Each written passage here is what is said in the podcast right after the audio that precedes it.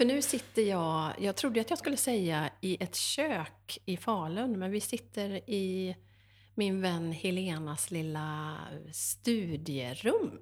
Ja, Här sitter du och pluggar. för närvarande är det så. Och det kommer bli ett litet allrum, eller bibliotek, tror vi, så småningom. I detta fantastiska hus byggt, vad sa du? 1899. 1899. Mm. Helt fantastiskt. Med så mycket original.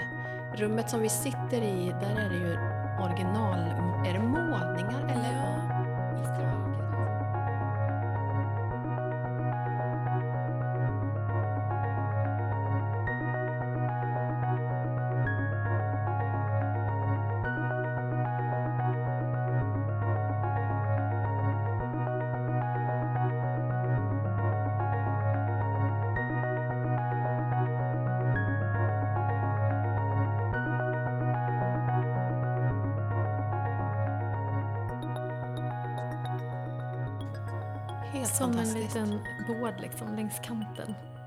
Lite olika mönster. Ja, det är fint. Ah, fantastiskt Det är hus. kul och det, det är så härlig känsla när man tänker att det är människor som har gjort det här. Mycket som är handgjort. Eller hur? Jag går ju igång på handblåsta fönster. Ja, liksom- fönstren är ju så vackra. Ja.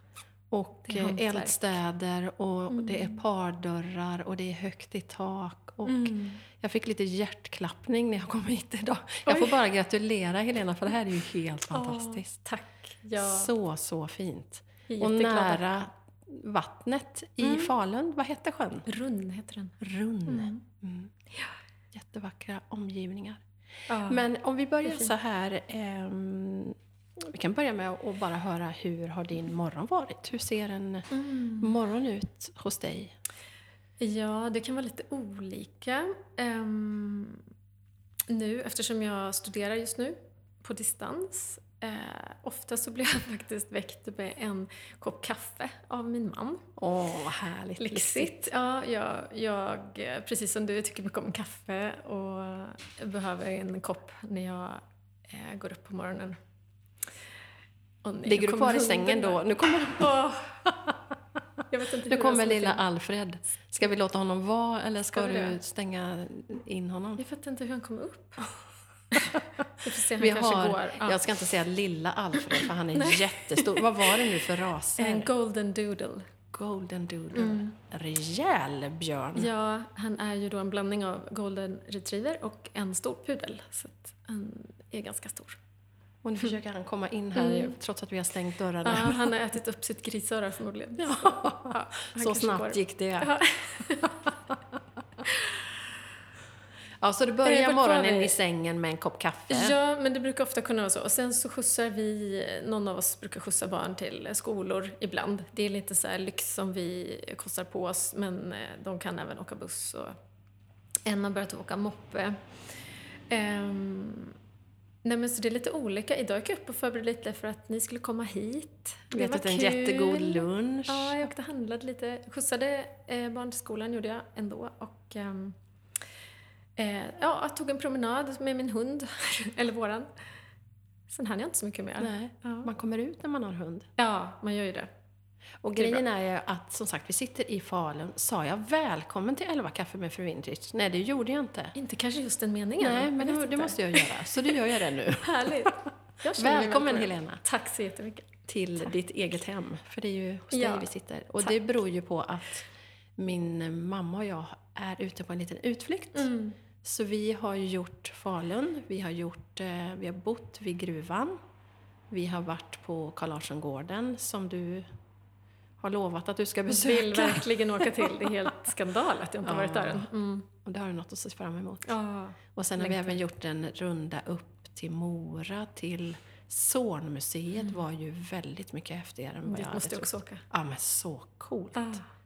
Coolt med att eh, din mamma berättar här skillnaden mellan Karl då och Anders heter han va? Så det. Ja. Att de är så olika som personligheter Ja, och att man kunde se det. Ja. I, Och också Härligt. sa vi när vi åkte ifrån Zornmuseet att man, kunde se, man kan se att de ändå var nära vänner, att de har Mhm. påverkat varandra. är det så? Ja, båda hemmen är ju väldigt, väldigt eh, färgstarka Mm. och otroligt personliga, väldigt, väldigt inspirerande. Wow. Så även om man inte alls har den stilen som de har, det är ju svårt att återskapa, Ja. så är det väldigt jätteinspirerande. Mm. Så det måste du verkligen göra. Verkligen. Det måste jag. Jag Ja. visste inte att de var vänner. Nej. Faktiskt.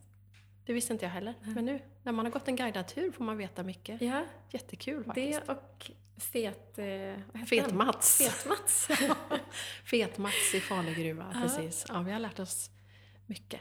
Men du, du pluggar säger du. Eh, för den som inte känner dig, vem, vem är du? Vad gör du? Mm. ja, det där är alltid så svårt. Ja, det är Vem är jättesvårt. jag? Vem är jag? Jag är då en trebarnsmamma som älskar att sjunga. Jag är utbildad sångpedagog, musiklärare som jag har jobbat som också eh, under en period. Jag tycker mycket om olika saker i livet. Jag älskar att resa, älskar språk. Eh, för några år sedan så kände jag att jag ville göra någonting annat i livet så då pluggade jag ett tag mänskliga rättigheter, ehm, fokus på barns rättigheter. Jag tycker väldigt mycket om, ja, mitt hjärta slår extra mycket för barn och nu är jag faktiskt tillbaka i skolans värld för jag har jobbat några år som specialpedagog och nu håller jag på med att göra klart min examen inom specialpedagogik. Och jag tycker faktiskt att jag kan se en röd tråd i allting när jag ser tillbaka. Hur liksom, att det ändå hör ihop lite på något sätt. Jag brukar tänka på det ibland att eh, nu när jag har barn som börjar bli den åldern att de ska välja utbildning och framtid och sådär. att Man är på ett sätt mycket den man var Mm. när man var i den åldern och, och valde, tog sina steg. Att det finns mycket kvar. Liksom. Hur gamla är barnen? Eh, de är nu 16. Min äldsta hon fyller 17 eh, om en månad, Alma. Och så har vi Ella som är 15 och Nils som är 13. Mm. Och sen, Och vad, vad är... Oh, förlåt. ja, nej, jag har två bonusbarn också. Som är...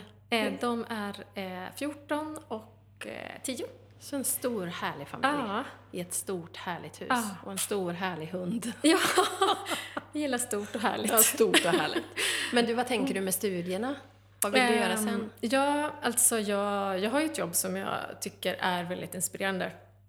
Eh, mm, för att jag, jag, mitt hjärta slår lite extra för, för barn som har det svårt faktiskt. Eh, och jag, jag tycker det är kul. På samma sätt som när jag jobbade med musik så tyckte jag det var härligt att liksom få se se barn och ungdomar så knäcka koden lite för att spela och sjunga. Och liksom. Men samma sak inom, inom skolan kan jag tycka. Eller för när jag, när jag började plugga barns rättigheter så kände jag att jag ville kanske någonting annat bort från skolan. Sen så insåg jag att men skolan är en så stor del av barns vardag. Ja. Och vi behöver verkligen hjälpa barn i skolan.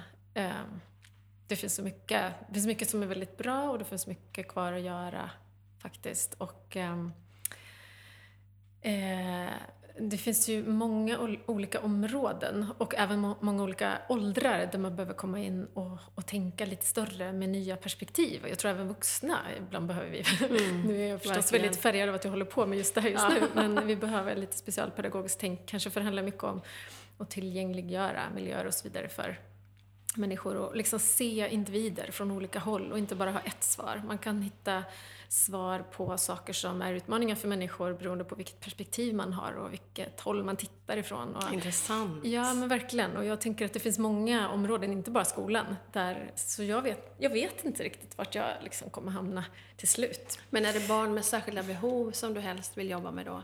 Ja, eh, det måste inte nödvändigtvis vara det, men, men barn som kanske av någon anledning inte riktigt passar in i mallen. Och det kan ju finnas många olika anledningar till det. Mm. Men eh, ja, att man kan tänka lite större begrepp där också. Ehm, ja. Ja, vad spännande. Det kan bli en lång diskussion om man fortsätter.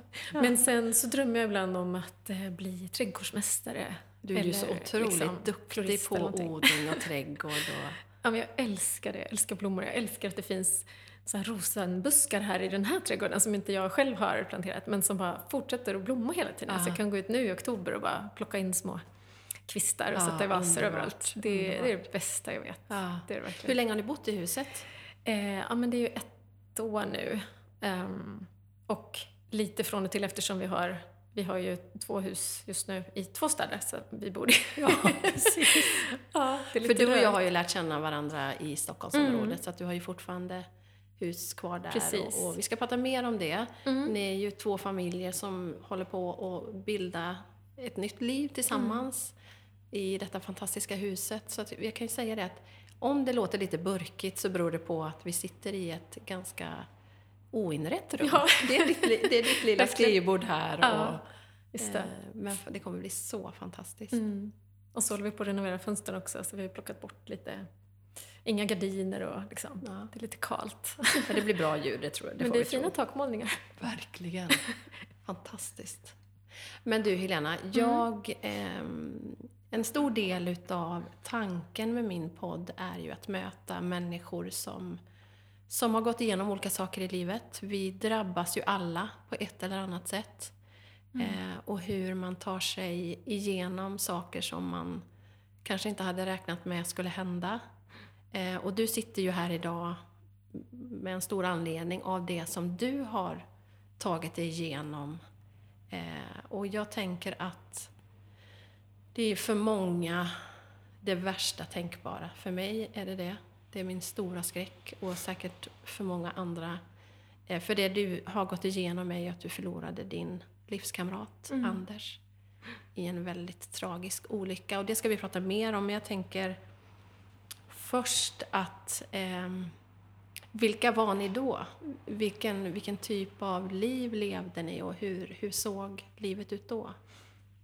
Eh, vi levde ett härligt, vanligt liv, skulle jag säga. Eh, Anders jobbade ju då eh, som brandman och eh, eh, även jobbade lite extra sådär som snickare och så, men hade ganska mycket tid hemma. Vi hade alltid prioriterat familjen för att vi tyckte det var viktigt. Ehm, och vi bodde i ett hus eh, norr om Stockholm, i Täby. Eh, vi var väldigt engagerade i en kyrka och eh, hade mycket av vårt sociala liv där och jag var mycket engagerad i eh, musik Sången och musiken? sådär. Ja. Mm. Så, ehm, ja, jag tänker att hmm, ibland kan det bli så här när man ska beskriva här efteråt att det man uppskattar är just det vanliga. Så Ja. kanske är det jag lyfter fram. Att vi, eh, ja, umgicks med, med mycket med vänner och, och släkt och sådär, familj och eh, uppskattade det liksom. Och sen så hade vi faktiskt eh, tankar på och planer att eh, flytta utomlands och jobba. Eh, vi hade lite olika planer men det fanns mycket, mycket tankar framåt och jag tänker så här um, att vi var, vi var på en plats i livet där vi var väldigt eh, nöjda faktiskt. Eh, förnöjsamma med vilka vi var och vi hade en bra relation. Barnen var då 8, 10 och 12. Eh, och ja, det var fullt upp med aktiviteter och jag vet att vi också pratade lite på att vi ville hitta något ställe kanske i fjällen. Vi åkte mycket skidor som familj. Anders älskade att åka skidor, han hade verkligen levt för det under en period i sitt liv. Och, Slalom eh, va? ja, eller eh, snowboard var faktiskt Snowboard, hans eh, mm. grej mest, men sen åkte vi mycket slalom då, eh, skidor tillsammans som familj. Eh, han tränade också väldigt mycket, han var verkligen träningsnarkoman. Han åkte mycket längdskidor och eh, ja, han var anmäld till Vasaloppet, eller han hade åkt Vasaloppet några gånger och nu hade han fått en så bra plats. Han skulle stå i första startled Just och han var så glad för det och Ja. ville satsa på att få sitt livs bästa tid. Sprang mycket långlopp och sådär gjorde han också. Sådär. Och olyckan hände ju den 8 februari va? Mm, det var det. 2016. 16. Mm. Om man tänker, vi ska såklart prata om själva dagen och så, men vad, hur var dagen innan? Dagen innan, då ska vi se, åttonde som var olycksdagen var en måndag. Så dagen innan var en söndag när han jobbade hela dygnet. Och då, då så gick han på eh, söndag morgon och skulle komma hem måndag morgon.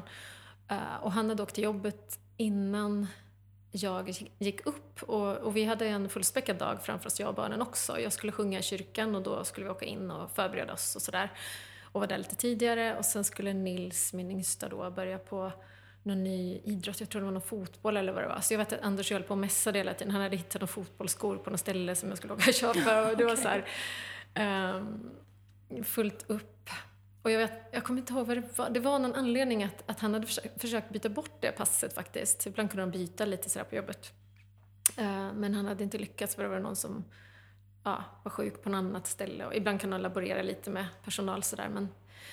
Um, så den dagen pratade vi ganska mycket i telefon och skickade sms och, och um, jag vet att sista smset jag fick på kvällen det var att, eh, att han ringde mig. Han skulle nog bara säga godnatt. Han brukade ringa. Vi ringde väldigt mycket till varandra och pratade och sådär.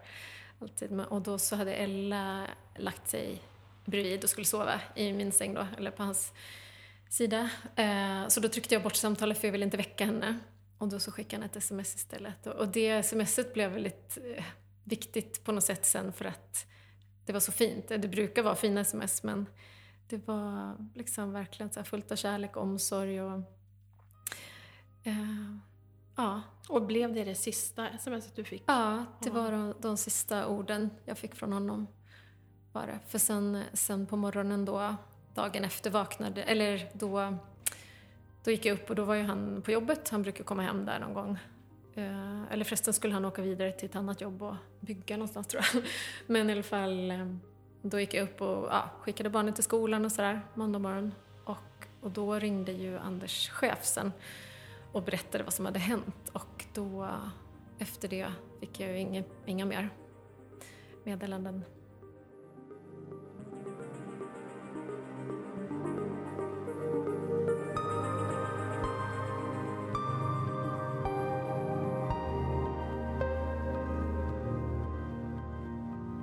Var det som hade hänt? Eh, ja, då ringde ju han och berättade då, Anders chef, att eh, Anders hade varit med om en olycka. De hade fått ett larm på brandkåren då, eh, på måndag morgon strax innan han skulle avsluta sitt pass. Eh, och då var det en, en, bil som hade åkt av vägen. Det var i februari, det hade väl varit lite halt och sådär. Så de åkte ut på den här olyckan. Eh, eh, och det hade gått bra, fick jag reda på, för den här bilen då som hade åkt av. Så då höll de på att plocka ihop den här olycksplatsen och då var det både brandkår med, de har ju flera bilar då som de ställer upp som en olycksplats och så var det polis och ambulans på plats för att de åker alltid ut sådär eh, allihopa när det är en olycka. Eh, så de höll på att plocka ihop hela den här olycksplatsen när det var en bil som, som kom in på området och eh, eh tappade kontrollen på bilen och eh, körde på Anders helt enkelt. Eh, så han blev påkörd och det var en ganska allvarlig, väldigt allvarlig eh, olycka. Förstod man då när, när chefen ringde mm. till dig, först, hade man förstått då allvaret i olyckan? Jag tror att de förstod allvaret, eh, men det förstod jag långt senare. För till mig ville man inte säga så mycket för att ja, jag stod hemma i köket med min son och eh, skulle skicka honom till skolan. Och jag tror att de, de ville bara få in mig till sjukhuset. Jag vet att de, hade, de berättade efteråt att de hade suttit och pratat om det här också. Jag vet att eh, en av Anders eh, bästa vänner på brandkåren där hade liksom sagt det till chefen sen. Säg inte så mycket, se bara till att de kommer in till sjukhuset.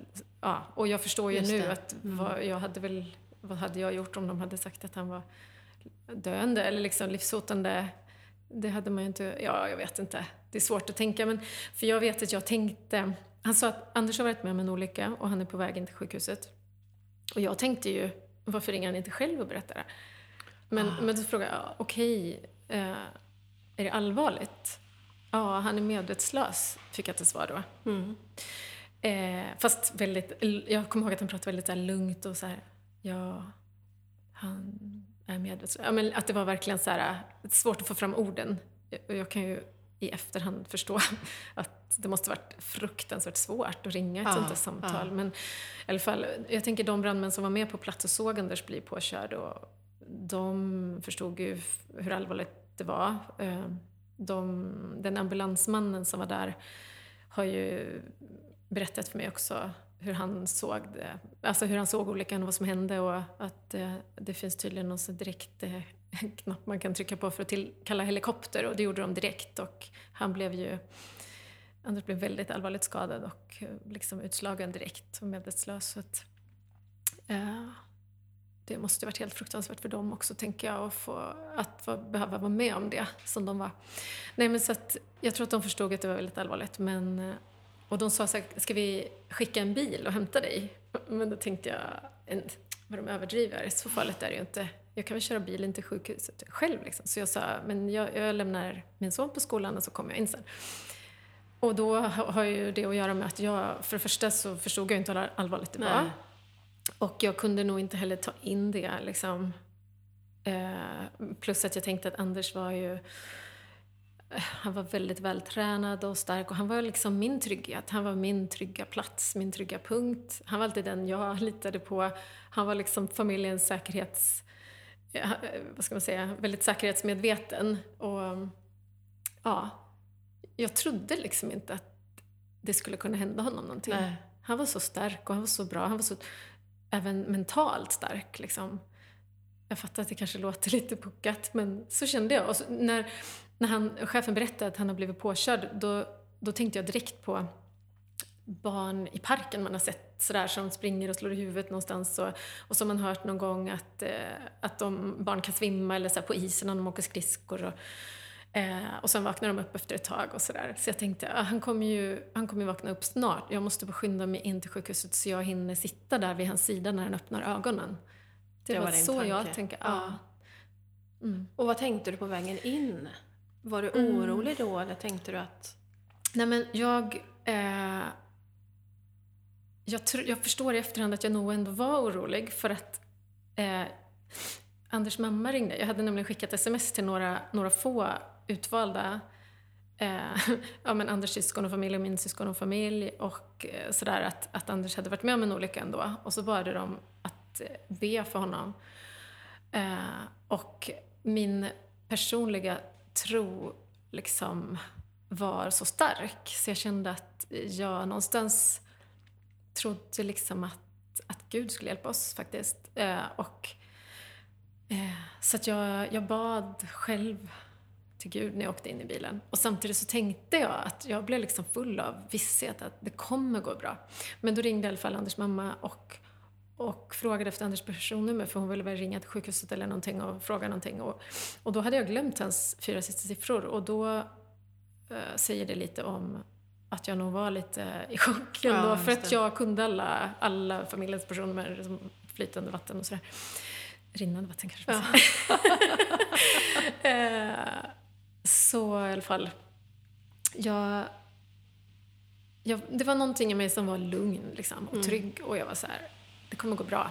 Och sen när jag väl kom fram till sjukhuset så vet jag att då hade jag kontakt med Anders kompisar eh, från brandkåren då, som var där och jag visste inte riktigt vart jag skulle åka. Jag har varit väldigt förskonad från att behöva vara på sjukhus.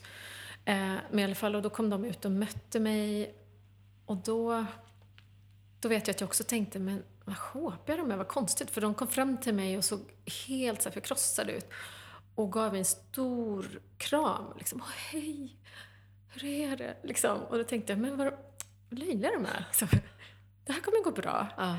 Och sen gick vi in på sjukhuset och, och, då fick vi ett eget rum och vi fick en egen, eh, någon typ av eh, personal som var med oss. Eh, jättefin, jättegullig och liksom sprang och hämtade mat och vatten. Och, och då vet jag att jag tänkte, men hjälp vilka resurser de har på sjukhusen. Och du förstod fortfarande inte, eller liksom kopplade inte att det här är på riktigt nu? Ja, men nej, inte hur allvarligt. Jag förstod ju att, att det var allvarligt. Saken är den att de som kom dit, jo för då kom det fler och fler. Och jag sa ju till folk, nej men ni behöver inte komma, vi kan ses i eftermiddag. Eller liksom. Men Anders eh, bror kom dit och syster och, och så var det några av Anders närmsta då, kollegor som var där. Eh, och vi satt och pratade, jag vet att det var någon, jag frågade en av hans vänner, men hur är det med din familj? Han hade ett barn som hade haft lite tufft. Och då tittade han på mig, men hur kan du fråga mig hur det är med oss nu? Liksom. Men då tänkte jag, men hjälp vad alla håller på. Det här är ju ingen grej. De känner ju Anders, de vet ju hur stark ja. han är och mm. det här kommer ju gå bra. Men de då som, som var där, de hade ju dels hade media skrivit någonting som då en del hade läst, att det var livshotande skador, att han hade flugits in med helikopter, att ja, det var allvarligt. Det hade inte jag sett. Och sen så, eh, de som hade varit med på plats visste ju förstås, ja. de var ju helt chockade. Liksom. Eller de var inte där, de som hade varit med på själva olyckan, för de var fortfarande på stationen och hade någon sorts kris. hantering av något slag. Men Anders hade flugits till ett eh, så kallat traumarum där de skulle operera honom. Så jag fick information om det. Han opereras just nu och när han är klar, och så fick han tid för det, då kommer det komma en läkare och berätta om liksom, tillståndet och sådär. Mm. Så vi satt där och väntade på att få besked om hur det var med honom. Eh, och då vet jag att när den tiden var så fick vi besked att eh, den skjuts fram lite för de är inte riktigt klara för det är en ganska avancerad operation då liksom. Men sen till slut när hon kom ner och skulle informera, då, då var det väl först jag förstod någonting för att då frågade hon direkt var är hustrun? Och hon då fram till mig, satte sig på huk framför mig, spände ögonen i mig och, och berättade då om hans skador. Och, och då blev jag nog lite mer chock och jag, och jag vet att jag sa till henne, men hallå, han ska åka Vasaloppet om några veckor. Alltså nu får ni verkligen göra vad ni kan. det här är liksom hans chans. Ah. Och det blev så viktigt för mig och då vet jag att eh, Anders bror sa, men du Helena, han kanske får hoppa Vasaloppet i år. men nästa år kanske. Um, nej men, och då kände jag att jag ville säga till dem, men hallå, Anders är inte vem som helst. Fattar ni vem han är? Han är mm. inte personen som dör mitt i livet. Han är stark och han är mentalt stark och han, han klarar det här. Vi fixar det här. Är det någon gång i livet som ni måste kämpa och göra allt så är det nu. Ungefär så tänkte jag. Och samtidigt kan jag tänka så här till mitt försvar, hur, hur ska man bara liksom ta ett sånt besked från, från en stund till nästa? Man lever ett, ett vanligt, härligt, lyckligt familjeliv och så helt plötsligt ska, ska jag bara acceptera att min man ska dö. Liksom. Jag kan inte släppa det. Och han var ju inte död. Han, låg ju, han opererades ju och, han, och hon berättade, den här läkaren, att de, de håller på att tillfråga, eller fråga eh, olika experter på området eh, hur, hur bästa sättet är att liksom hjälpa honom. Men, och sen så sa hon också att eh, men om det går bra, om vi lyckas göra allt på så bra sätt vi kan nu, liksom, och vi, ja, om det går bra helt enkelt så måste vi hålla honom nedsövd i minst en vecka. Uh, och det tyckte jag, jag vet inte, men det, det fick mig att liksom förstå att oj, hjälp. Det verkar allvarligt. Uh. Sen fick jag ju reda på i efterhand alla, alla skador och liksom allting. Och, och nu i efterhand så förstår jag att det var ju såklart extremt allvarligt från början. Sen var vi kvar på sjukhuset i ett och ett halvt dygn ungefär. Och och kämpade med, med hoppet. Och, ja, det var en fruktansvärd, svår, outhärdlig situation, verkligen.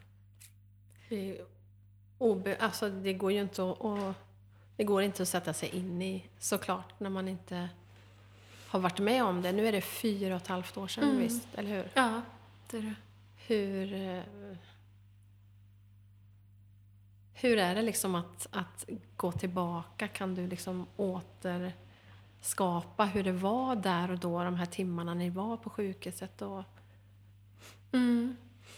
Jag har ju berättat om det här några gånger och, och på ett sätt så är det också en bearbetning att få gå tillbaka ibland. Nu känner jag inte att jag behöver göra det för att jag behöver bli hel längre. I början var det nog så att det var skönt att få prata om. Ja. Så Um, men, men när jag går tillbaka så blir det förstås ändå att, att man, man, man kommer tillbaka till känslan. Jag kan liksom se det mer utifrån nu, och, men jag vet ju att eh, eh, det var väldigt surrealistiskt väldigt svårt att, att greppa vad som hände. Och jag vet vid något tillfälle när, just för att fler och fler kom, även min familj från Värmland kom, och det här var ju Stockholm då, mm. så alla förstod hur allvarligt det var. Det blev mer och mer människor. Och jag vet vid något tillfälle att jag blev så här, bara började må illa. Och även direkt, ända från samtalet jag fick från morgonen så blev jag, jag kunde inte äta och liksom, så jag blev ju påverkad. Men och då var det vid något tillfälle jag bara kände, jag måste bara, jag måste bara gå iväg. och försöka förstå vad som hände så gick jag in på en toalett för det var enda, enda platsen jag kunde vara själv. Ja. Och så satt jag där och så, och så bad jag en bön till Gud och så sa jag till Gud att eh, jag inte kunde leva utan Anders. Jag bara, men det som alla säger håller på att hända, det får inte hända för att jag kan inte överleva. Vi klarar oss inte, jag och barnen. Barnen behöver sin pappa. Mm. som var så bra. En väldigt bra pappa. Eh, så det var ju, det var ju hemskt. Var barnen där också då, när ni väntade? Mm, de kom dit för att personalen där sa att eh, det, det är bra om barnen kommer in. Och det var ju samma sak där. Jag tänkte att varför då? De kan ju träffa honom i eftermiddag, tänkte jag först då, när han kommer hem. Men, eh, men sen så, ja, insisterade eller när jag förstod att han behövde stanna längre och sådär, så då var det en svåger som hjälpte till att åka och hämta barnen och fick också jättebra hjälp från deras skola, en av deras en, eh, lärare som känner alla tre barnen som gick hem med dem och mötte upp. Eh, och så kom de in och sådär.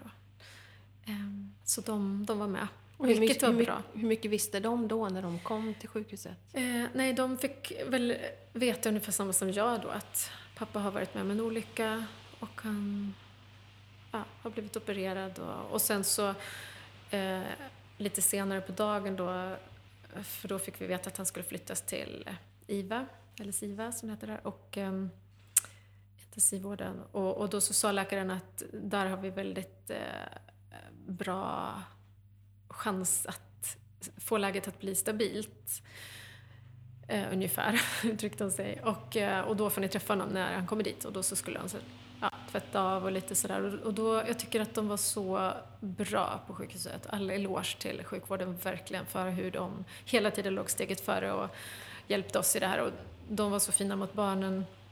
Och så berättade de liksom att ja, det ser ut som pappa har sminkat sig lite och han blåtira och lite, han hade ju någon, någon bruten arm och lite gips. Och, och sen var det ju mest skador på huvudet och sådär. Så att, men i övrigt så såg han ju ändå väldigt ut som sig själv när han ligger och sover. Mm, förutom lite marbultar. Nej men så att liksom, vi fick bra förberedelse innan vi skulle träffa honom för mm. det.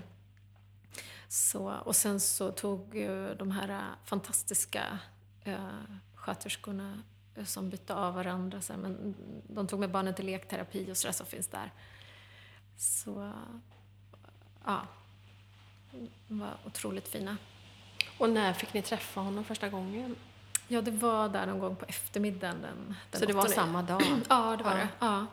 Jag har, jag har svårt att komma ihåg exakt hur allt hände. Ja. Men, och hur mm. var det? Nej, men det var ju skönt och se honom. Och det var så, ja ah, men bra Adrian, nu liksom, nu kämpar vi här, kom igen nu. Och jag fick liksom en känsla att, för han hade liksom varit min styrka på något sätt. Den som jag lutade mig mot. Och, och jag kände då, okej okay, men nu är det min tur att vara stark liksom. Nu ska jag vara stark för honom och, ursäkta, det blev lite, men att, eh, du vet att ibland jag var ju där inne själv med honom och jag vet att jag, jag pratade med honom fast han sa att men han är medvetslös, han hör ingenting. Men jag tänkte, men jag, han kanske hör ändå. Mm. Och eh, jag pratade med honom och sa att han skulle kämpa och att jag älskar honom och vi behöver honom och allt det där. Och, och bad för honom och sådär.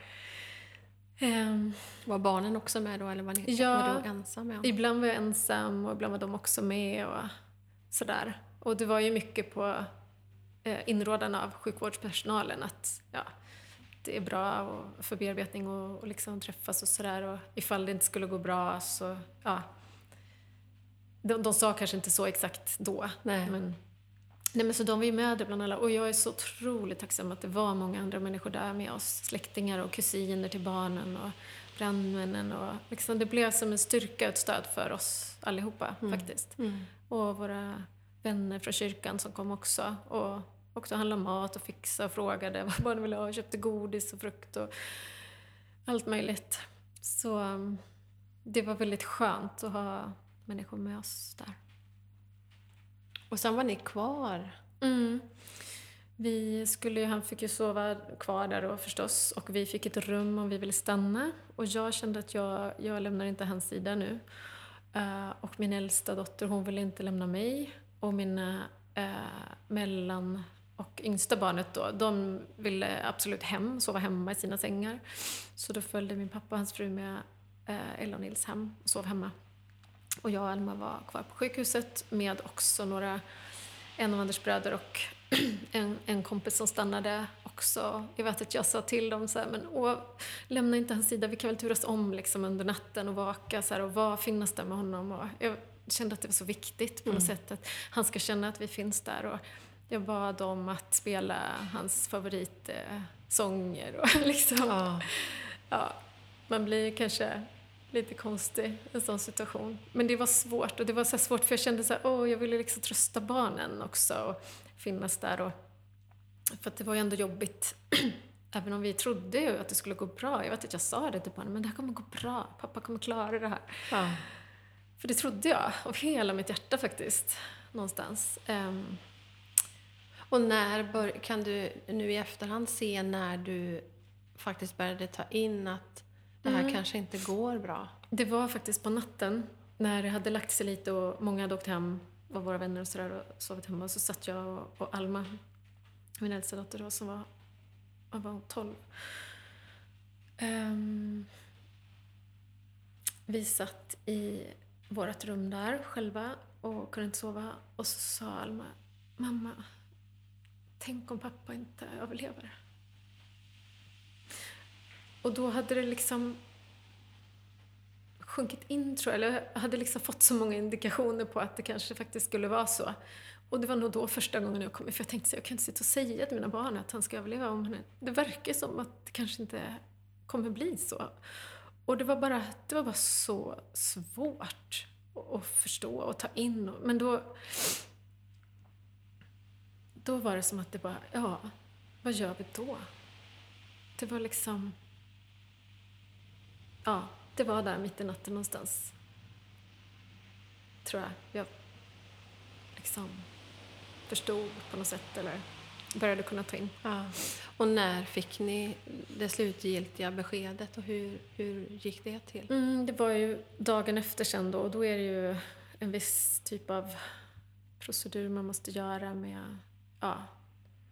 Eh, ha- han hade ju alla möjliga livsuppehållande apparater liksom och eh, ehm, så han, han såg väldigt levande ut men då ja, skulle de göra massa undersökningar och sådär och så förklarade de för oss hur de skulle göra det. Alltså det var ju en process dagen efter också med eh, allt som hände och någonstans tänker jag att det var, det var bra för oss att inte bara att vi liksom fick ta in det under en Stegvis? Ja, liksom, lite stegvis. Ja, ja. Precis.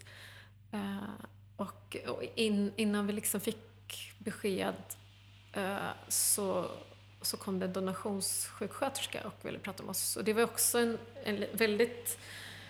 Eh, ja, det var också väldigt overkligt. För då, då ville hon fråga hur vi ställde oss till donationer. Och, och det kändes så här, fast vänta, nu ligger min man här inne och kämpar för sitt liv och vi bara gör inget annat än hoppas att han ska ändå, att det ändå någonstans ska vända. För någonstans så har man ju ändå hoppet kvar. Mm. Jag vet inte, jag kanske hade det längst för jag vet att jag gick och sa till alla, hallå ni måste, ni måste tro att det ska gå bra liksom.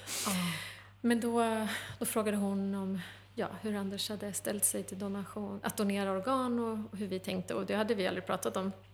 Men jag hade någon, någon svag aning om ändå liksom, eftersom han var en person som, han levde också, hans yrke var ju att rädda liv och han var en väldigt en person som ja, älskade människor och som människor har sagt i efterhand liksom också att man kände att han var en person som såg människor och liksom, så det kändes ju som att det var självklart. Så innan liksom vi hade fått beskedet så sa jag ändå ja till att, att donera. Det, det var konstigt. Men det var vi överens om och barnen var också lite med i den diskussionen och var med om. Liksom. Fast samtidigt som det var så, det var ju så konstigt för dem också. För jag vet sen när, när läkaren berättade att hur allvarligt det var då liksom. Eh, eller ja, när vi fick beskedet så var det faktiskt en av mina barn som då med sin förståelse som sa att men kan inte någon donera en hjärna till pappa? Ja. Mm. Eh, Istället för att han ska donera då alla hans friska, starka organ. Kan inte han få det han behöver för att Mm. fortsätta leva? Mm. Mm. Nej, men och sen, sen var det då att, att de hade fått ett besked om det fanns något spår av liv kvar överhuvudtaget i honom och så skulle de samla alla oss. Då var vi många, då var det många som hade kommit tillbaka till sjukhuset igen och var där med oss. Så då sa han vi måste bara hitta en tillräckligt stor lokal för ni är fler än vad, vad man brukar vara. Och det blev ju fint på något sätt liksom, för jag tänker att det säger också något om vem han var, att han var Mm. älskad av så många. Och, Och det sa sjukvårdspersonalen där också. Oj, vi förstår att han var verkligen en, en speciell person. Liksom. Men i alla fall, ja, så kanske man säger om alla i en sån här situation. Men, men vi var i alla fall många, många släktingar, vänner och allt. Ja. Men ehm, så då, då var det, jag kommer inte ihåg exakt, jag tror att det var någon gång där på eftermiddagen, den nionde, dagen efter olyckan. Som vi samlades i ett rum och då kom läkaren in och jag satt där och höll om, hade armarna om mina tre barn så här och så var det alldeles tyst i rummet och så sa hon bara så här. Anders är död. Och så såg man tårar i hennes ögon. Och det var liksom bara isande tyst. Hemskt. Ofattbart liksom. Och mörkt. Ja. Så hörde man någon som började gråta och något av mina barn som började gråta. Och, liksom. och jag kände bara, okej. Okay. Jag, min enda tanke, det enda rimliga för mig i den situationen var att jag tar med mig alla som är här nu. Min familj, Anders familj, hans vänner och mina vänner, våra vänner och eh, brandmän och alla. Och så flyttar vi in i ett stort hus, för jag tänker inte leva det här livet själv. Jag klarar inte det här. Inte en dag, jag klarar inte. Hur ska det gå? Och vad ska jag säga till mina barn? Jag har ju sagt att han skulle fixa det. Mm. Att han skulle klara sig. Ja. Och vad hände sen? Fick ni, alltså var ni kvar i det rummet och, och um, lät det här sjunka in? Eller liksom? Ja, uh, no, vi gick... Oh, jag kommer knappt ihåg hur länge vi var kvar, men jag vet att vi gick ut och uh, att en, en, av våra vänner som, som stod kvar ganska länge vid dörren och sen när jag kom ut så bara tittade han på mig och så sa han det kommer gå bra med barnen. Och det var så skönt. Mm. Det var Andreas som kände bara att, ja. Och det var liksom bara så, det gav mig så styrka på något sätt. För jag behövde allt jag kunde gripa tag i. Allt av liksom eh, hopp, liksom. Mm. Mm. Men, nej, men då, då, var det ju det att eh, då, då, skulle jag då skicka Anders till eh, vad man nu gör för att eh, operera ut alla organ och donations... Ja. Mm. Eh, så vi åkte väl hem och så skulle vi få komma tillbaka dagen efter och liksom ta farväl av honom. Och på kvällen så var det vår kyrka som vi var med ordnade en, en stor minnesstund, eh, eller högtid av något slag. Eller så var det kanske dagen efter förresten. Eh, som det var, det var så fint liksom. Det var, det var så... väl den tionde va? Ja, det var det. Ja, det just det. Och då var det många av våra vänner, även mina kollegor, och många som åkte dit och hade liksom, de hade ordnat så fint och med folk som hade skrivit jättemycket fina hälsningar och liksom, så bara samlades där och jag var inte med själv, utan för då, den tionde, då var jag kvar där på sjukhuset för då skulle vi liksom få säga hejdå. Mm. Vilket var det absolut svåraste jag gjort i hela mitt liv det var ju verkligen så här, jag vill inte. Jag kände så starkt, jag vill inte. Jag vill inte det här. Eh. Men det, var, det blev så fint och det blev ett sånt stöd och sån kärlekshandling för mig att se att det var så många som älskade Anders och oss också och ville liksom bry sig om oss. Och sen när vi kom hem så var hela huset, det bara strömmade in blommor i veckor. Liksom. Vardagsrummet var helt smockfullt och mat. Folk hade lagat matlådor och kassar och ah, choklad och godis. Och, det var liksom bara, det var så mycket kärlek. Så det, var, det blev också sådär, mitt i allt blev det så konstigt för att du vet, jag har aldrig fått så mycket kärlek från människor. Och där, det är därför jag brukar säga ibland att hela den här situationen fick mig att få en större tro på mänskligheten på något sätt. För mm. att det var så vackert. Människors omsorg och empati. Och... Fantastiskt. Ja. Vet du att jag har faktiskt gjort en skärmdump på ett Instagraminlägg som, som jag fick lov av dig att läsa i ett annat mm. poddavsnitt som jag har haft som handlar om tacksamhet. Mm. Eh, och då läste jag flera av dina inlägg. Men det här är, skrev du en vecka efter att Anders hade dött. En vecka har gått sedan jag höll din hand för allra sista gången. Den var kall, precis som när, när du hade kört ett långpass på skidor. Och precis som då värmde jag dina händer med mina. Du kände så levande, men ändå inte. Samtidigt hölls en minnesstund för dig. Många sörjde dig där. Men jag kunde inte förmå mig att lämna dig. Ville inte sluta känna dig. Nära mig. Ville inte lämna dig. Jag vet att du inte var där. Men ändå var det, var det ju du. Din kropp. Fortfarande så stark och trygg, men sargad. Jag hade så gärna velat ta hand om dig, hjälpa dig. Jag hade gjort vad som helst för att du bara skulle öppna dina vackra grönbruna ögon och se på mig. Prata med mig. Det som har hänt har förlöst en mäktig flod av kärlek i din anda. Jag hoppas att det får förbli så. Är det något som hedrar dig så är det att vi lär oss att bli bättre människor. Mer kärleksfulla, inte dömande. Ser det bästa i andra. Jag vet att du vill det och att vi ska leva fullt ut. Vi vill inget hellre än att få tillbaks dig. Men tills vi ses igen ska vi verkligen försöka leva så som du gjorde. Lev som Anders. Så mm. fantastiskt fint. Jag kommer ihåg när jag skrev det där. Det var ju verkligen, det är skrivet ur smärta. Liksom. Ja, såklart. Uh, och också en faktiskt sån enorm tacksamhet, kände jag. Jag blev så tacksam för liksom, just all den här kärleken som fanns, men även att jag hade ett äppelträd som blommade. Nej, men, jag vet inte, ibland när man blir så här riktigt, riktigt omskakad så tänker jag att man får ett annat perspektiv ja, på livet. Ja. Eh, och jag, jag, blev så tacksam för att det bara var att han dog när han dog också. Vi var dels på en plats där vi hade det bra. Jag tänker så här, alla går väl igenom perioder ja, i sitt liv. Ja. Liksom. Och jag är så tacksam att, att vi hade det bra, vi mådde bra och vi som familj, vi var stabila och liksom, ja, ja men lyckliga får jag ändå säga.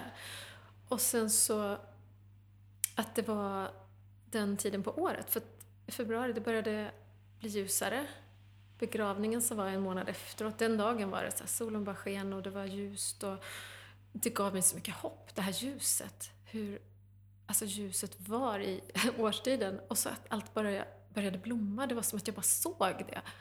Det var som att jag kände att, att mitt lilla äppelträd, eller stora faktiskt, för jag har inte ansett det så väl, men det blommade helt, aldrig sett så mycket blommor. Det var som att jag bara kände att det gjorde det för mig. Ah. Och att jag kunde njuta så av det. Och liksom dofterna och liksom att det blev lättare på något sätt. Eh, jag blev tacksam för så små saker verkligen. Att jag hade mitt hus där vi bodde och Anders hade renoverat det väldigt mycket så att det var det fanns så mycket spår av honom och vi, vi kunde bo kvar där. Vi kunde liksom fortsätta leva det livet vi redan levde, jag och barnen. Ja, ja. Vi kunde liksom bara... Vi kunde fortsätta och jag var så tacksam någonstans att ja, men vi hade valt att prioritera som vi hade gjort. Prioritera familjen. Ja. Att eh, det var inget vi behövde ångra faktiskt. Jag kände inte att nej, att vi inte gjorde det här eller det här eller det här. Utan, ja. Vi kunde fortsätta. Men jag tänker, eh, alltså kan du se nu i efterhand för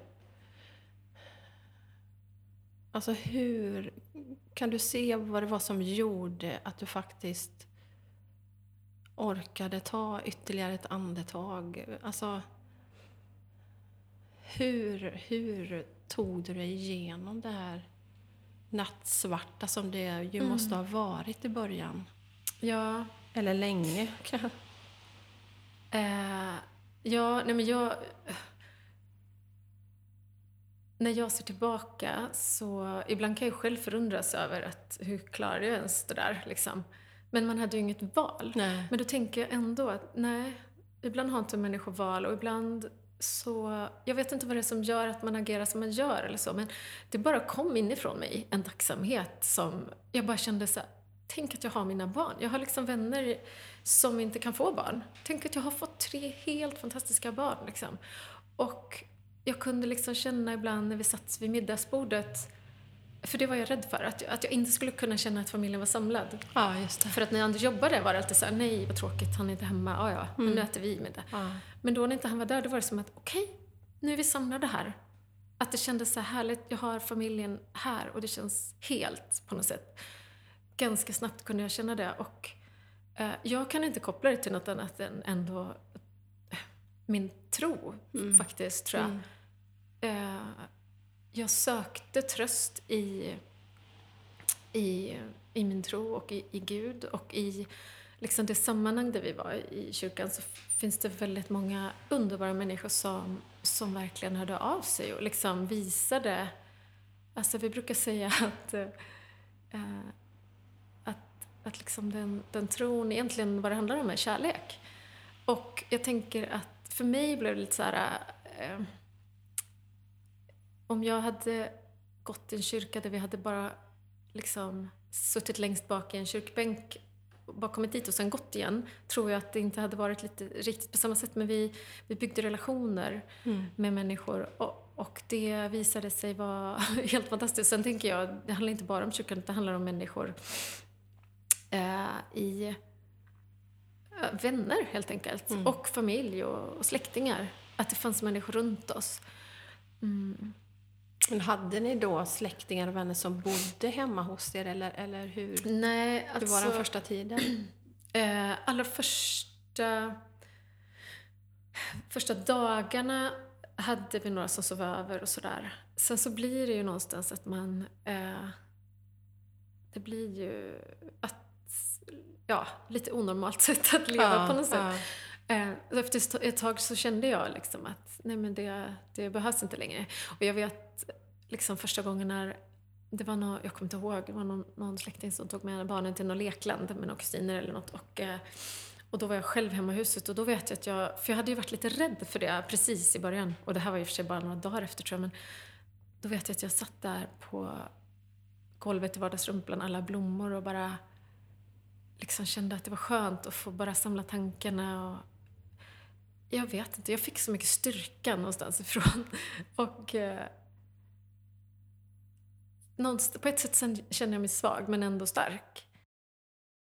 Ja, det är svårt men, men jag, tror, jag tror att det, det har med det att göra, liksom att min tro gav mig hopp Mm. helt enkelt. Hopp om framtiden och det kommer bli bra. Plus att vi då, vårt förhållningssätt har ju varit att vi tänker att Anders har det bra, att han är på en plats där han mår bra. Mm. Och barnen och jag pratade en del om det också, att liksom, de kunde säga men mamma det är ju så bra för pappa behöver inte sakna oss för att ja men då har vi liksom tänkt att tid kanske inte finns på samma sätt i himlen.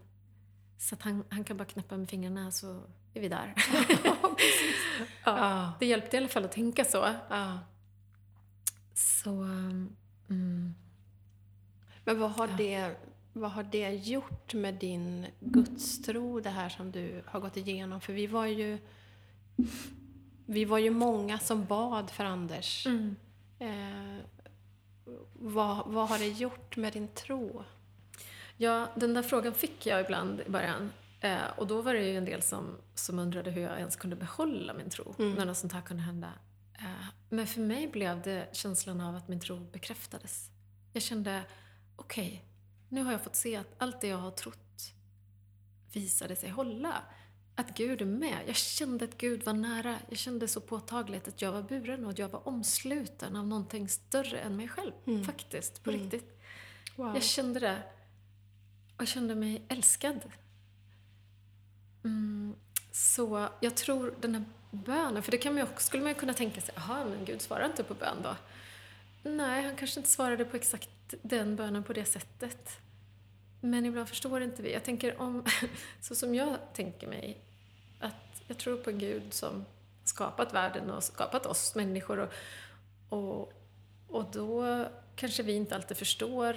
Jag tror inte att det var Guds fel, vill jag vara tydlig med att säga. Jag tror inte att liksom Gud bara, "Ah, men nu ska jag Ta bort till att-" Anders. Nej, Nej. utan jag tror att det händer för att vi har skapat en värld där det finns eh, bilar som... Nej men, det finns väldigt mycket ondska i världen. Det finns mycket saker som händer.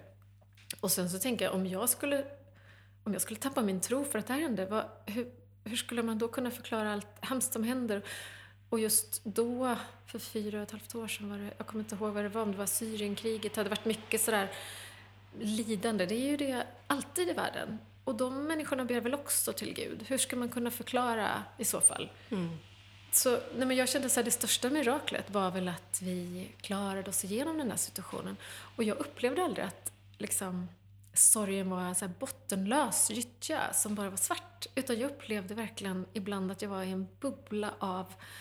Jag kunde liksom uppleva eufori. Jag kunde uppleva stark, stark kärlek. Och liksom, det var som att jag bara förstod, för jag har aldrig upplevt sorg liksom tidigare, men att jag tänkte att sorg är egentligen kärlek, fast det är en annan sida av kärlek. Om man har älskat någon väldigt mycket så blir det sorg när den försvinner.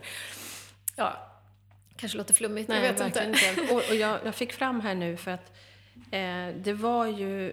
Nu känner jag ju dig som vän och vi går till samma kyrka och sådär men, men det var ju väldigt speciellt att följa dig eh, och din resa under den här tiden. För du har skrivit, på tal om den här bubblan och kunna känna eufor, eufori och, och, och glädje mitt i det här sorgliga, hemska.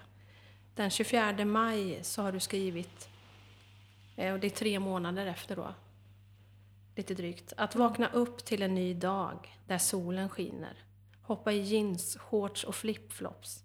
Skicka världens finaste barn till skolan. Så bara så där plockade ur diskmaskinen innan de gick. För att sen sitta här och inta morgonkaffet till fåglars kvitter. Ja. Och ljudet av tusen bin som surrar i äppelträdet vars doft slog emot mig så fort jag öppnade dörren. Och nu sprider ett välbehag över hela trädgården. What can I say? I'm blessed. Det är ju helt fantastiskt. Mm. Bara tre månader efter det värsta som kunde hända. Ja. Nej men verkligen. Och jag, jag kan inte ta åt mig någonting av det där liksom att jag, jag kände verkligen så här, jag är verkligen blessed liksom. Jag är välsignad. Tänk vad bra det är. Och jag vet, jag sa det till barnen, för jag tänkte så här, det var som att jag bara tänkte så här, tänk vad mycket hemskt som kan hända människor liksom. Tänk vad mycket människor går igenom och liksom. Eh, tänk att vi ändå trots allt har det så här bra. Mm. Och vi har varandra och liksom... Ja. Jag kände verkligen sådär att jag var otroligt tacksam för det vi hade kvar. Liksom. Mm. Och att jag var tacksam för det jag hade haft. För jag tänkte så det är inte alla som fått ha en, en man i 14 år som man har älskat och är lycklig med. Och liksom, ja, men det var som att perspektiven blev kanske lite annorlunda på något sätt. Fast jag tror att jag ändå, jag var ganska förnöjsam innan också, så det är inte så att det blev en jättestor förändring så, men och kanske det också var ett beskydd i och för sig, att hur vi levde innan, Mm. för liksom hur man tänker.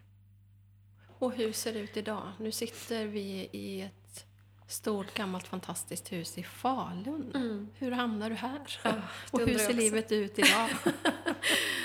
Ja, livet alltså. Mm. Det är ju verkligen fullt av överraskningar. Eh, nej men jag, jag har ju träffat en fantastisk man. Eh, och eh, det är liksom så här konstigt. Fast samtidigt, jag tänker så att jag vill säga det till alla människor som, som går igenom någonting tufft. Att man vet inte hur livet ser ut framåt. Och eh, jag kan ju uppleva att, att det finns saker i mitt liv nu som jag är så tacksam över som jag liksom inte nästan förstår att jag hade saknat nästan. Fast jag var, jag var lycklig innan. Men, förstår du? Och det är också så här otrolig tacksamhet. Fy, det låter nästan smörigt. Men, Inte när man känner dig, Helena. Nej, okej, vad bra. Men... ehm, ehm, ja, vi, det är ju också krångligt, ska jag säga, livet. vi, vi bor ju i två städer, i, i två hus, och, eh, men, men väljer att tänka att det är, eh, det är ju också fantastiskt att vi får göra det. Eh, vi försöker få ihop livet Ja. här nu med Och ni har gift er? Mm, det När? det var 16 maj Ja. i år. Ja, Fantastiskt. Ett halvår snart. Verkligen, det är fantastiskt. Och det, det där funderade jag ju mycket på i början. Liksom. Hur, hur funkar det? Liksom? Och kan man älska någon igen? Och, liksom, och eh, man, får, man får bara hänga med i livet, Ja, tror jag. Ja. Och, och inse att man kan gå vidare. Man kan ta sig igenom saker som är svårare än man tror. Men hade du redan börjat tänk, liksom kunna tänka i de banorna framåt och träffa en annan? Eller var det att du träffade Jakob som gjorde att... Nej, jag hade absolut kunnat tänka så. Och det är ju också en sån sak som förvånade mig. Eh, för jag har ju aldrig tyckt att jag har haft anledning att eh, se mig efter något annat. Nej, jag hade såklart. Anders faktiskt. Men, ehm, nej, men det dröjde nog några månader. Alltså jag saknade honom så fruktansvärt mycket. Men sen så övergick det till att jag bara kände att eh, jag saknade verkligen kärlek och jag ville inte göra livet ensam. Jag kände mig ung och jag kände mig stark och liksom Eh, och att jag, jag kände också för barnens skull att jag vill att vi ska få, jag vill leva familjeliv någonstans. Eh, och det förvånar mig, jag vet att en del människor har sagt oj men du som älskar Anders så mycket och ni som hade det så bra, du kommer nog aldrig kunna hitta någon igen eller så här, som är så bra eller Eh, och det kanske är jättesvårt och jag hade väl tur då, då som lyckades hitta en jättebra person igen.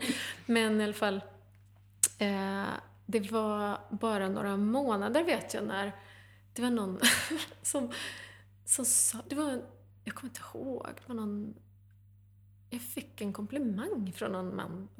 Eh, såhär, men du är så snygg eller något sådär. Mm. Och då var det något i mig som bara, oj, det där har jag saknat. Ja. Jag saknar att få känna mig som en kvinna som får komplimanger från min man. Och, Ja. ja. men, det är någonting som man lever i och har dagligen och när det försvinner så... Eh, ja, jag blir nog kanske lite förvånad själv men nej, jag längtade jättemycket. Verkligen. Eh, efter att träffa någon. Samtidigt så var det ju jättesvårt att tänka sig att hitta någon som man skulle tycka passade. liksom. Och som skulle Så- fylla upp Anders plats då på något sätt. Ja, men nu är livet liksom... Ja, men och samtidigt tänker jag så här, ja, på ett sätt fyller det ju...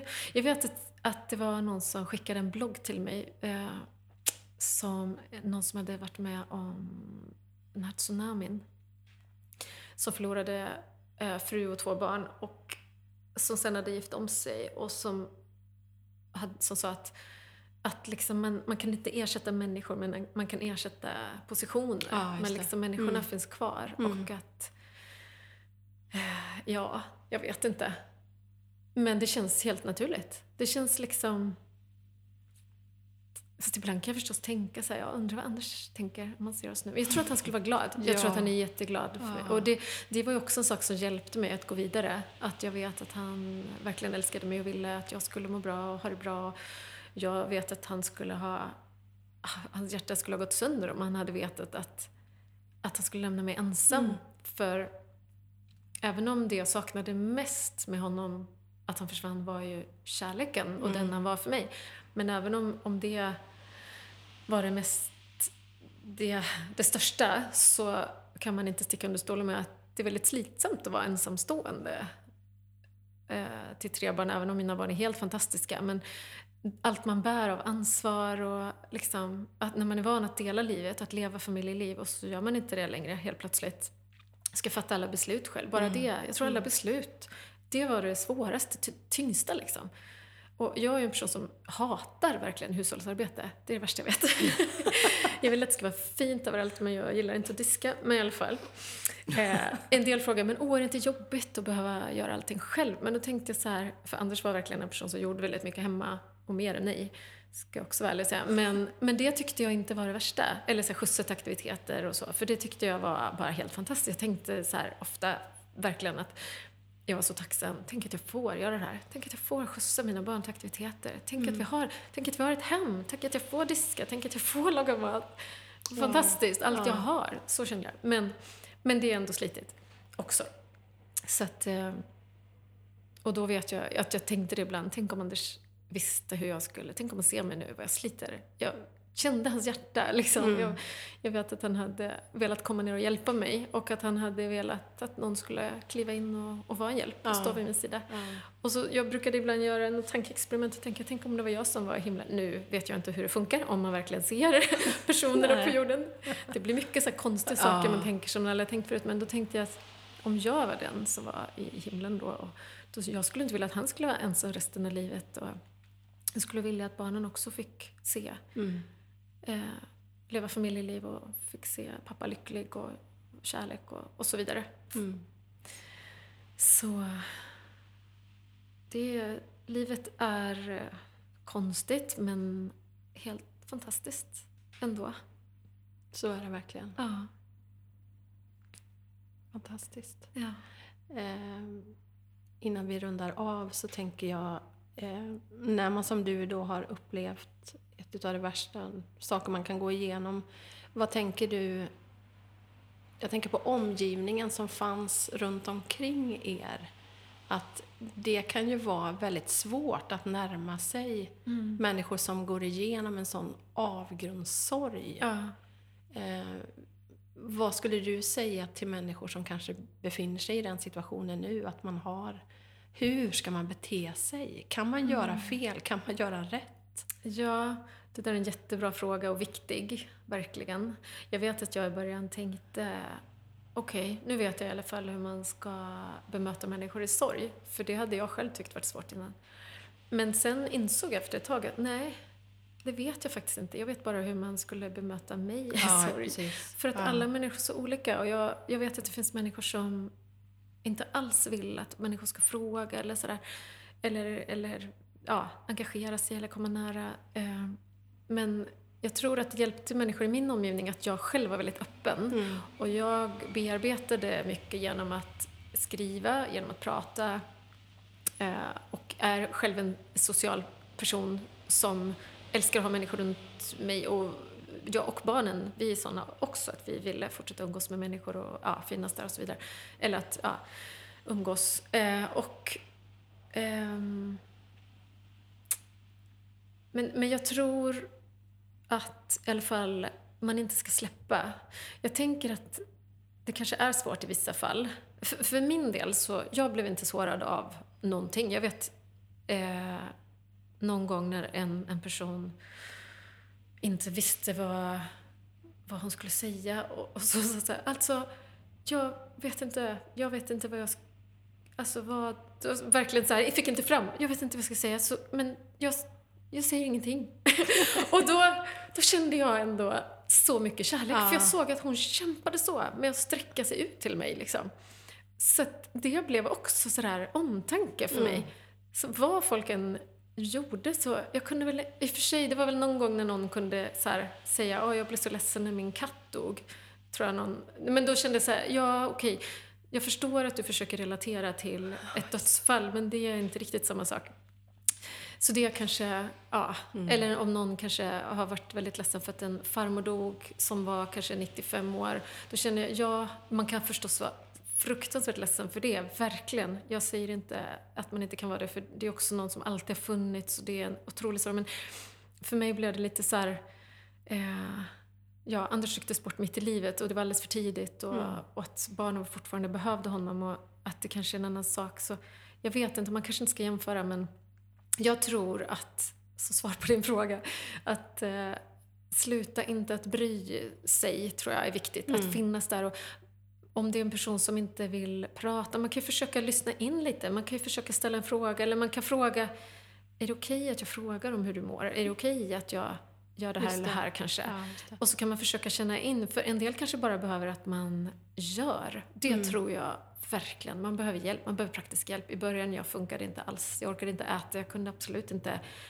komma ihåg och laga mat och handla. Och det var helt fantastiskt. Faktiskt så var det lite vänner där vi bor i Täby kyrkby som gick ihop, några stycken, och gjorde en grupp som inte jag visste om och kom överens om eh, vilka dagar de skulle åka hem med mat till oss. Wow. Helt otroligt. Ja.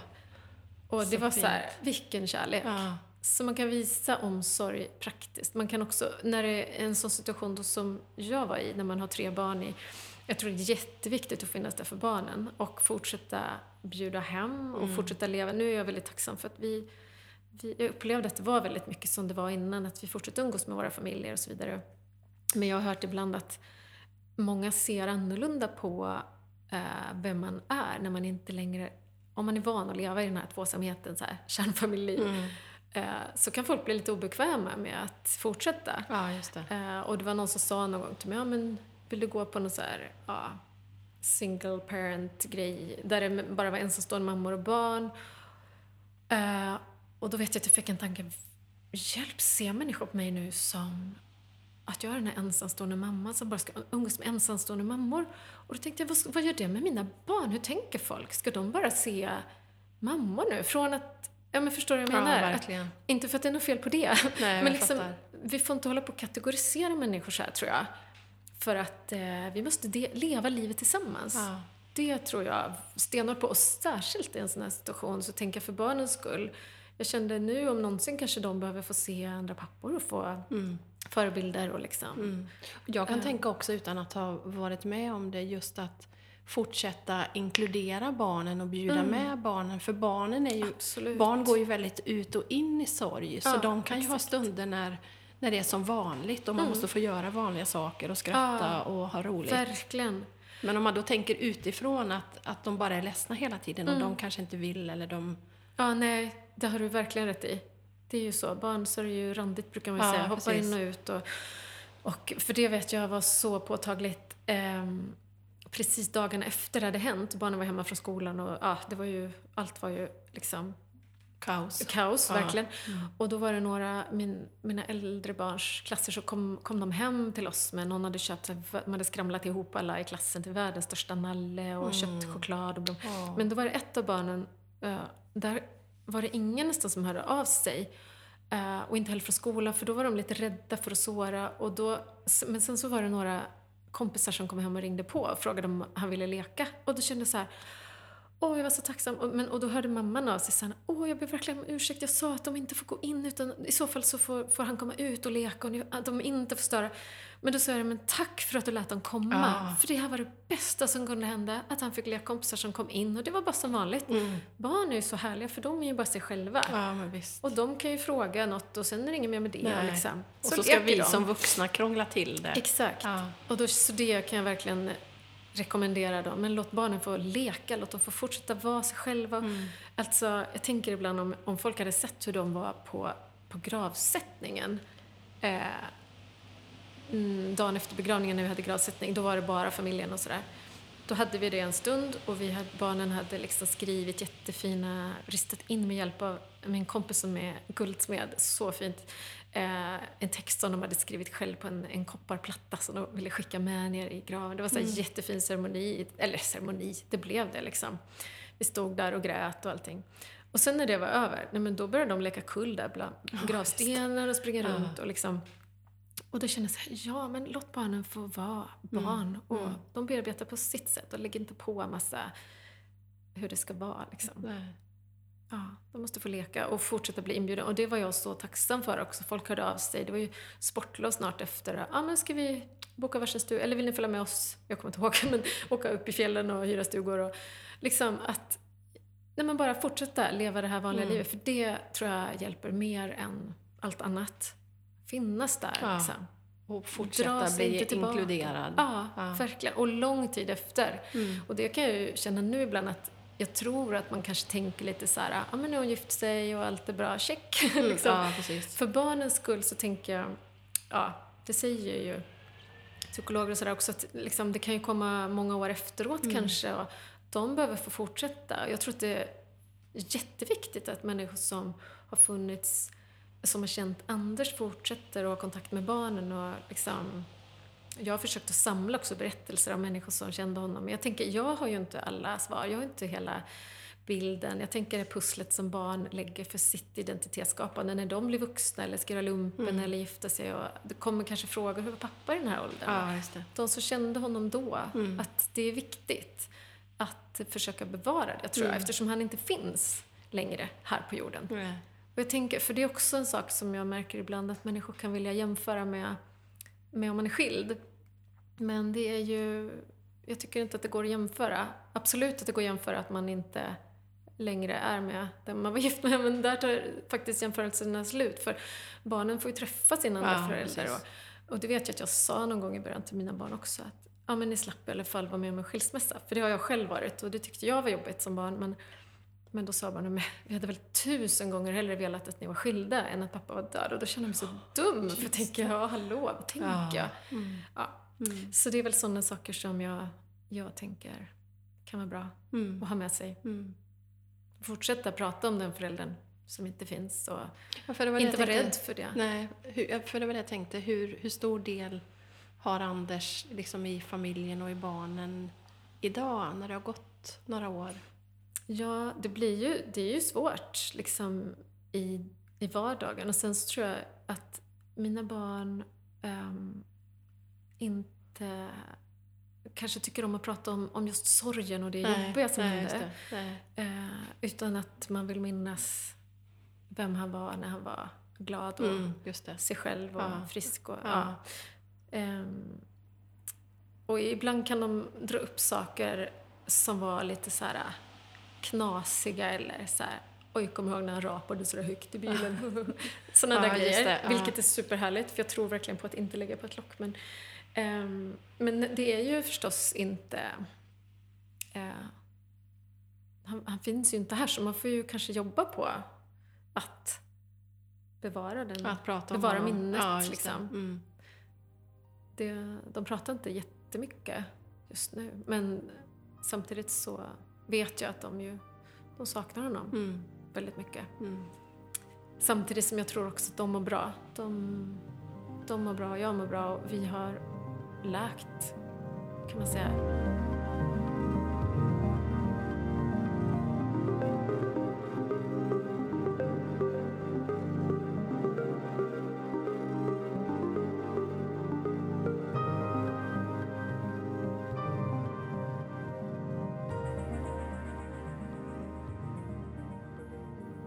Ser du på framtiden? Ja. Nej men, ju mer man får uppleva så inser man ju att man vet inte någonting om framtiden. Eh,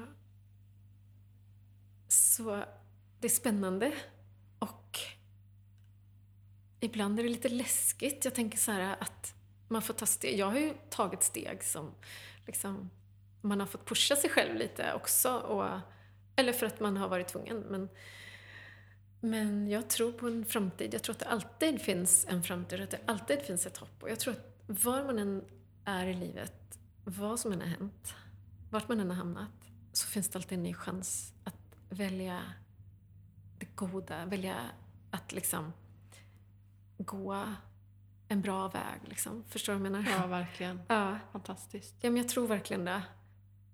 Att eh, man behöver inte vara så rädd, faktiskt. och det säger jag till mig själv också. Prova nya saker och, och våga flytta till en ny stad kanske. eh, ja, och liksom vart man än vänder sig så tänker jag så här, vårt liv består ju i människor och relationer och det är fantastiskt att få uppleva nya saker i Mm, livet. verkligen. Mm. Vilka bra slutord. Så sant Tycker och så bra. bra. Ja. Tack älskade Helena för att du ville berätta din, din historia. Tack snälla själv. Tack för att du har så bra podd och där du tar upp viktiga saker Ja, tack. som är viktigt. Tack. Tack verkligen att jag får komma. Eller att du, ni kom Att vi hit. kom till Det var Falun. fantastiskt. Jätteroligt. Mysigt. Och tack till alla er som har lyssnat. Eh, tack, tack, tack. Hej då! Hej då! Stort tack till dig som har lyssnat på dagens poddavsnitt. Och tack för att du också vill vara med och göra skillnad. Genom att bli månadsgivare hos Läkarmissionen så är du faktiskt med och förändrar framtiden för utsatta människor. Gå in på www.lakarmissionen.se snedstreck fru-vintage så får du dessutom en jättefin premie. Tack för att du vill vara med och ett stort tack också till Läkarmissionen som är huvudsponsor för min podd 11 kaffe med Fru Vintage. Tack!